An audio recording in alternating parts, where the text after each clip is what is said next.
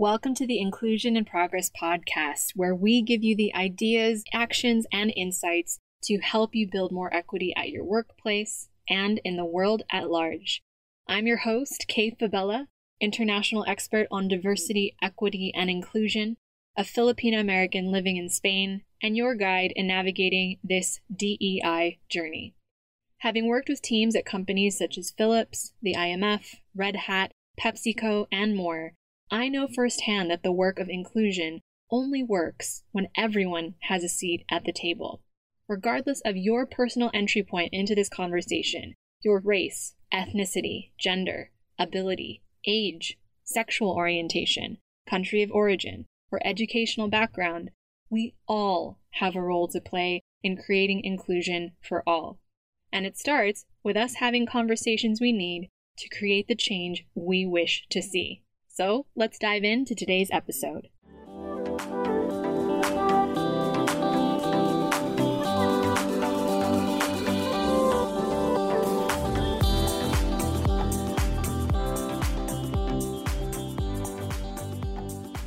Welcome back, my friend, to another episode of the show. So, as we know now, 2022 is in full swing for us at Team IIP as we continue to dive into client delivery, kicking off both new projects and ongoing initiatives from last year. Since I know that many of our client partners also listen to the podcast, I just wanted to take a moment to acknowledge you for tuning in and thank you for choosing to work with us. But if this is your first time here, welcome, welcome. I'd like to take a moment to give you some background on who we are and what we do. So, aside from being your awesome podcast host, I'm also the founder of Inclusion in Progress LLC. We work with global organizations and teams to improve inclusive communication skills between diverse team members, to reduce turnover, and to build a culture of inclusion that enables companies to keep their best people and maintain their competitive edge. As for me, I'm an LA raised, US born daughter of Filipino immigrants who's called Spain home since 2010. I started as a remote business owner in 2014. I began my career in DEI in 2016 and started to grow the company at the end of 2019. Now, our fully remote team spans APAC, EMEA, and the Americas, so you could say we're pretty comfortable with navigating differences across cultures and time zones. Our solutions unite cross cultural communication, remote team support, and diversity and inclusion strategies to help your company unlock your people's potential, no matter where they come from or where they choose to work. With teams spanning more generations, locations, lived experiences, identities, and cultures than ever before, it's of course easy to feel overwhelmed with all of the different potential barriers to understanding. And the truth is this we can't avoid conflict in a rapidly changing world. But we can focus on empowering individuals to collide with compassion, leading to those cultures that will foster collaboration, that will help us to find and uncover solutions together. And your people can only share their best ideas and ask the right questions of themselves and each other when they feel safe to share their voice at work. So currently, we're working with the likes of Red Hat, Jamf, Instagram, and Listrak to create the spaces to talk openly about how to create stronger work cultures. One of the ways that we're doing this is through our signature Pause to Progress workshop, an interactive virtual experience designed to empower teams to learn the importance of boundary setting in a remote environment, to learn how to sustain their own self care practices through the power of regular pauses, and to foster an open discussion about what's necessary for teams to look out for each other before burnout hits. It's quickly becoming our most popular offering, and you can find examples of testimonials from our clients on our site. So, if you'd like to learn more about how to book a Pause to Progress workshop for your organization, head to the link in the show notes to get in touch with our team or email us at info at inclusioninprogress.com. Before we close our calendar for the rest of 2022, We'd love to share how we could partner with you this year to foster inclusion for your team or for your organization. So, today we're continuing with this podcast season's theme of workplace wellness. Now, in episode 81, we discussed how to spot signs of burnout on a remote team before it happens. If you haven't checked out that episode already, please be sure to listen to it and cue it up after this one. it's incredibly top of mind for our clients right now who are watching their teams navigate different levels of exhaustion and mental health after a hard two years. But for today's episode, we're going to look at another important aspect of the wellness conversation in our move to remote or hybrid workplaces. What is the real impact of work from anywhere on mental health for our teams? Here's what I mean. I used to joke before the start of the pandemic that I had a master's degree in waist up dressing as a remote business owner. Although I'm pretty sure we all have a master's degree in that now. Anyway, I already had that Zoom presentable top and sweater thing down, the cozy bottoms to get me through working from home. And fortunately for me, when COVID 19 hit, I was already comfortable with some kind of daily routine because I knew how to monitor my screen time. I knew how and when to walk away from my home office, and I knew how to communicate my on and off time with the people that I work with virtually, even if they were six or nine hours behind me in North America. But it took me years of practice to nail that routine down.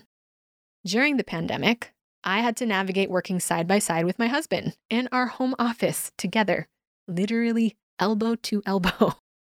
And if it weren't for our two cats, our wireless headphones, and our laptops whenever one of us had to hop on a call, I honestly don't know how we would have survived. We also made a commitment to try, to try, operative word try, to eat meals together away from our screens and would rotate who looked after the meals depending on who had an upcoming deadline or an important call. Now, thankfully, having a partner who held us accountable to keep that healthy work life routine was a lifeline for us when things felt scary outside our apartment building here in Madrid. When it was safe to move around Spain again, my husband and I decided to spend my birthday month last year in a holiday rental it's our first time doing it. It was pretty exciting.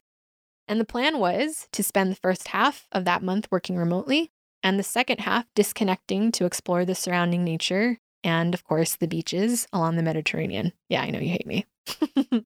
but seriously, at one point, I was actually on my own because my husband had to head back to Madrid for work. So being by myself for a few days meant that I was glued to a screen to get my work done. And because there wasn't anybody there to tell me, hey, you should probably step away and eat, because I know myself, I get into a flow, I ended up having barely any energy at the end of the day to force myself to even think about going outside and trying to interact with neighbors or head down to the pool, even. I mean, don't get me wrong, I could still watch the sunrise and the sunset over the Mediterranean from our rooftop every day. So clearly wasn't all bad. But I could see how, even with a few more days on my own, without making a conscious effort to meet people, I could very, very easily isolate myself if I was only there for work. Now I know that working from anywhere sounds lovely in theory. I'm rolling my eyes at myself talking about the sea view from our rental just now. I get it, I know. But I mean, who doesn't love the idea of downsizing their life of grabbing a laptop and just picking up to relocate anywhere, anywhere in the world that there is a good Wi Fi connection. Yes, work will still be work, but admittedly, the view is much better when you have the Catskills, Chiang Mai, Mexico City, or Dubai outside your doorstep, because YOLO, right? Well, if you were listening carefully to my remote work chronicles, you'll notice a few things. First, having the discipline to set a routine when you're working from anywhere is a skill set. That takes time. Believe me, I tried everything. It also means that you're making more micro decisions every day as the boss of your own time. And some of us are really great at doing that. Some of us have had to train ourselves to do that. But most of us aren't really able to do so without routine guidance and support. Secondly, working from anywhere may not always be from the ideal physical location or setup, or even with the ideal people. Many of us won't know what we're walking into until we land in our new work from anywhere destination. It's even more challenging if you go to another country or another culture without a local community to land in and interact with during your off screen hours if you don't have a company headquarters to go to. And finally, unless you have a team or a work setup that is willing to accommodate your time zone, you may find yourself feeling even more isolated and disconnected despite moving to your so called paradise. Now, these are the main concerns that our client partners have as we navigate through remote or hybrid work environments or whatever that setup looks like as we move forward. Because it's all well and good to offer flexible work, and it is also beneficial if organizations think critically about how to support their employees who choose to work from anywhere in the world. So, for today's episode, we're going to talk about the potential mental health risks of employees who choose to relocate and specific ways that you can support teams who choose to work from anywhere. So, let's dive in. Now, we all know the benefits of flexible work giving employees their time back, supporting focused work, giving people the sense of autonomy, over their ability to fold in work into their lives instead of the other way around. And it's a great way to increase the likelihood of retention for our top talent and recruit people tomorrow. But what are some of the risks of working from anywhere? The first point I'll share with you today starts by way of a story. Now, as you know, I've called Spain home for the last 12 years. Early on, I made it my mission to get to a place of fluency with my Spanish that would allow me to interact with and at least try to befriend locals, not just fellow English speaking immigrants. I try my best not to fall into stereotypes, even when I see the world through different cultural lenses in my work. But one thing I can definitely say about Spaniards, they're very, very social. now, my last corporate work environment before starting my business was here in Spain. And something that really impressed me, honestly, I, I get emotional still thinking about it because I was struck by the effort that my peers put in, not just into getting to know me, but also actively trying to invite me out to drinks and dinner without me asking. Now, one woman was kind enough to invite me over to her house for a sleepover, knowing that I was far away from home and eager to treat me to a home cooked meal. It was a level of generosity from professional colleagues that I just didn't expect coming from an American context and upbringing. Now, recently, a few of my Spanish friends who'd been working in North America came back to live in Madrid. And when I was able to meet up with them again, I asked them how their experience was working for North American companies. The big difference? How hard they felt it was to get to know their coworkers. They realized that most people created separate social lives outside of the workplace, which made it harder to try and create community with them. Now, for one of my Spanish friends who relocated to Canada to work remotely, they were struck by the fact that it took three whole months, three whole months before their coworkers invited them out for a drink. Something which would be unthinkable for them if it was the other way around, as I learned. Another Spanish friend who went back and forth between Madrid and London for over a decade found that his British coworkers were polite to him in the office, but didn't make an effort to invite him to join them for after work activities until six months after he started in his position. Now, these are two very specific anecdotes for different friends who have worked abroad, but it's not just Spanish versus other cultures or American or British or any sort of issue like that. It becomes more apparent the more that we speak to remote workers from across the world, the more we realize how common this is for those who are relocating, who, without taking the personal initiative on their own, will struggle to build connections with their colleagues or their local community, especially when they're dealing with a language or a cultural barrier. As more workers embrace this idea of the digitally nomadic lifestyle, people and HR leaders would do well to anticipate social isolation for their employees who choose to work remotely away from their community or from their cohort in the office.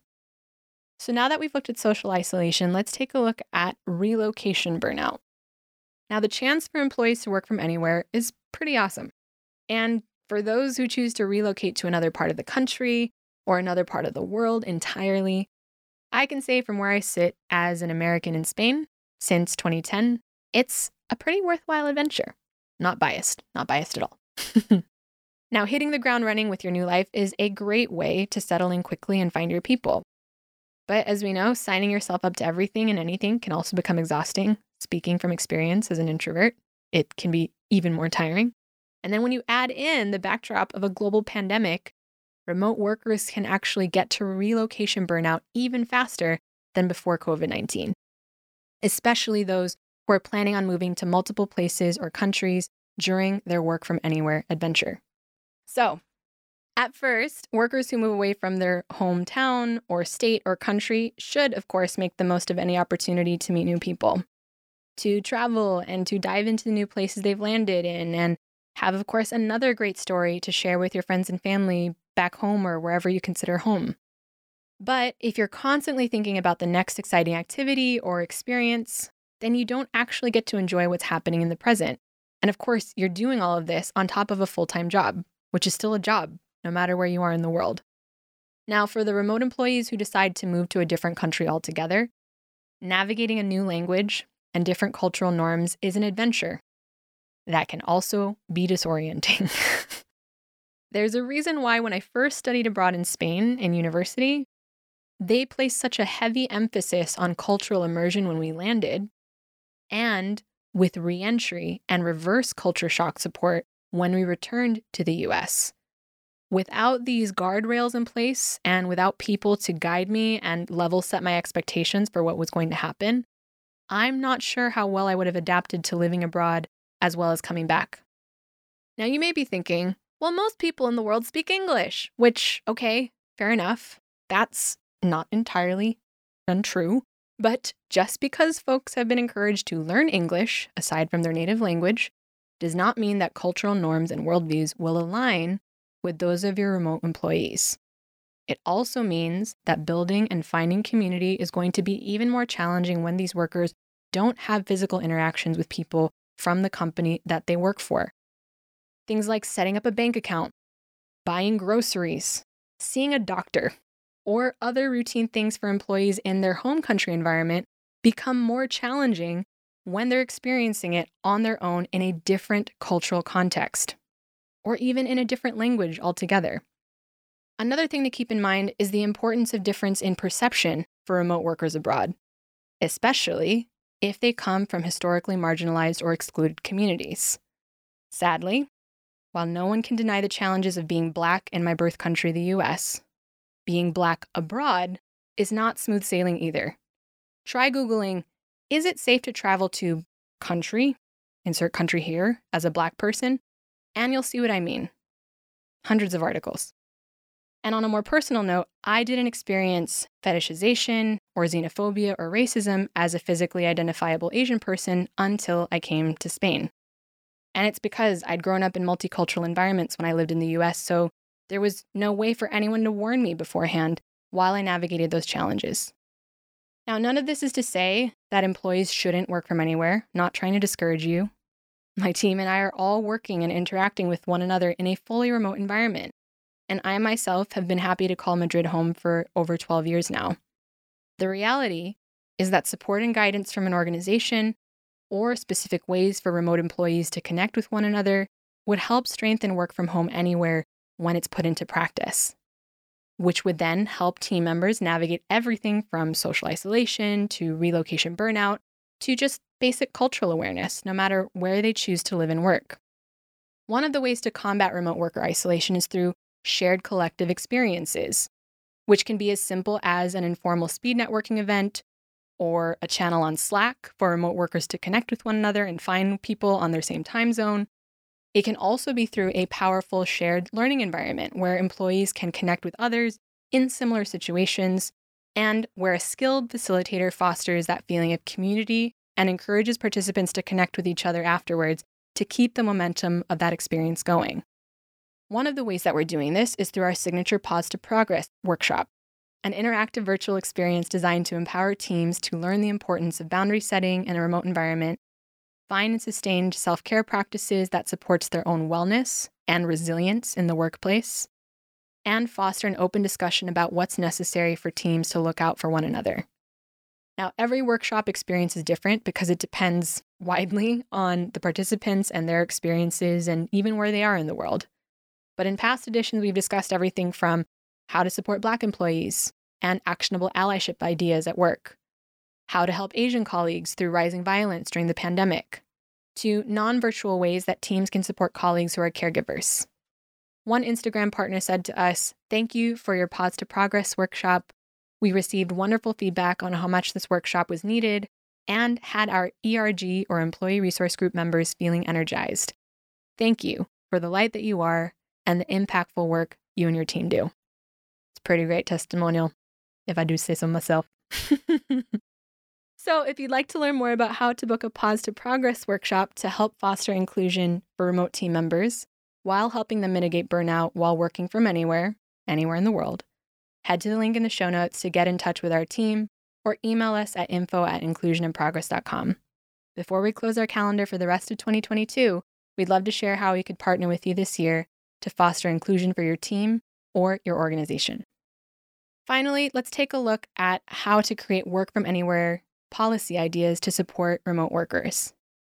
Now that we know the mental health impact of work from anywhere on remote teams, let's take a look at some of the ways to update our company support policy to increase engagement for virtual workers and decrease the likelihood of turnover.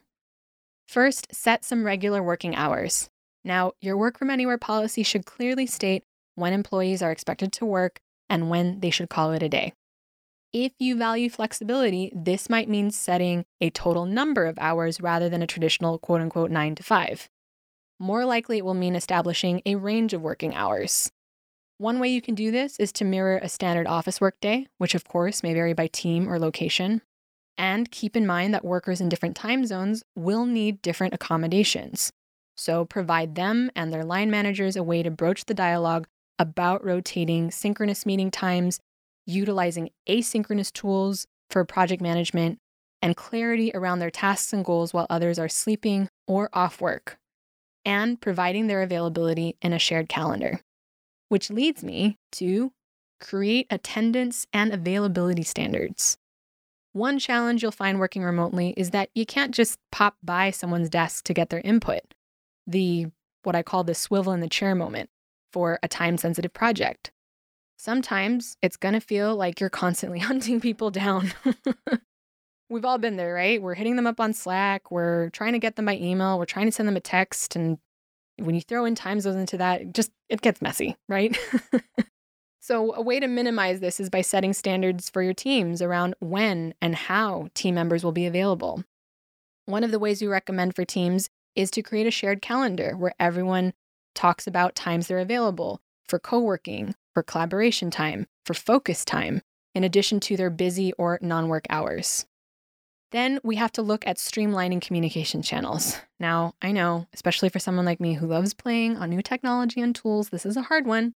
But with in person communication no longer an option, that internal comm system has to be on lock.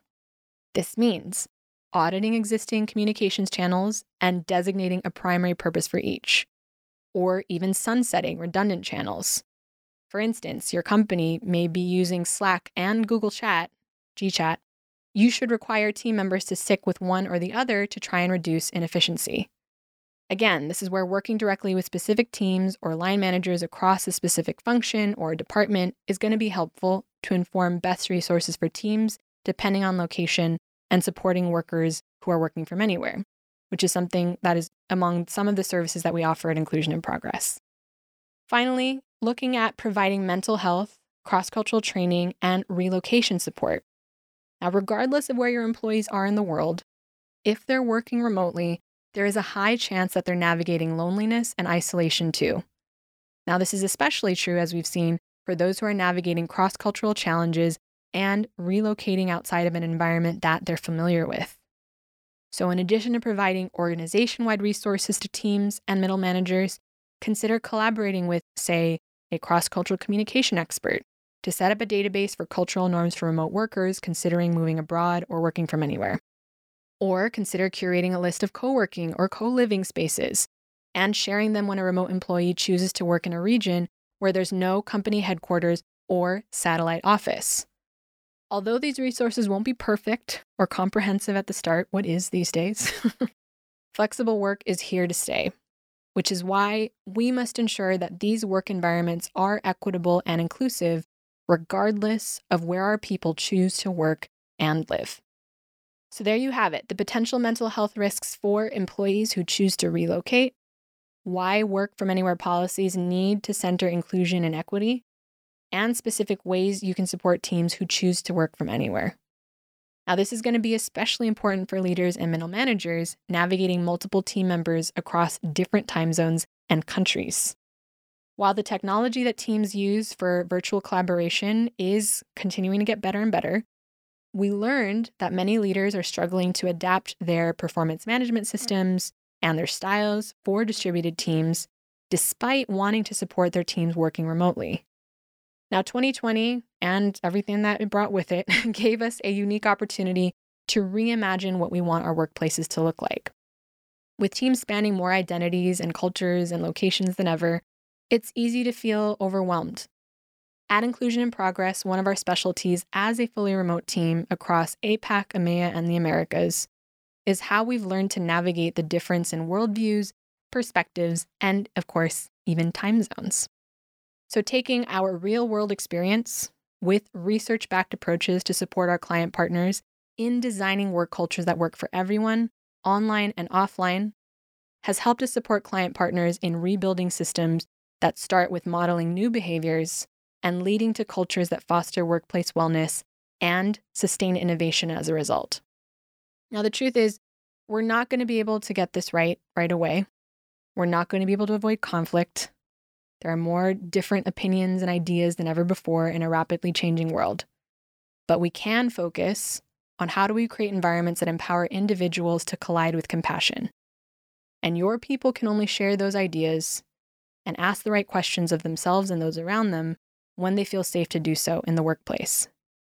One of the ways that we're doing this is through our signature Pause to Progress workshop, which, as I mentioned before, will help you foster an open discussion about what's necessary for teams to look out for one another, no matter where they are in the world. So, if you'd like to learn more about how to book that workshop for your organization, get in touch with us at info at inclusioninprogress.com before we close our calendar for 2022. And we can discuss how to tailor a workshop that suits your team's needs, whether it's adapting it to a different culture or time zone or multiple cultures present in the room. As always, if you like the episode, please share it with other leaders and changemakers who would benefit from a more inclusive world. Thanks so much again for tuning in, and we'll see you next time on Inclusion in Progress.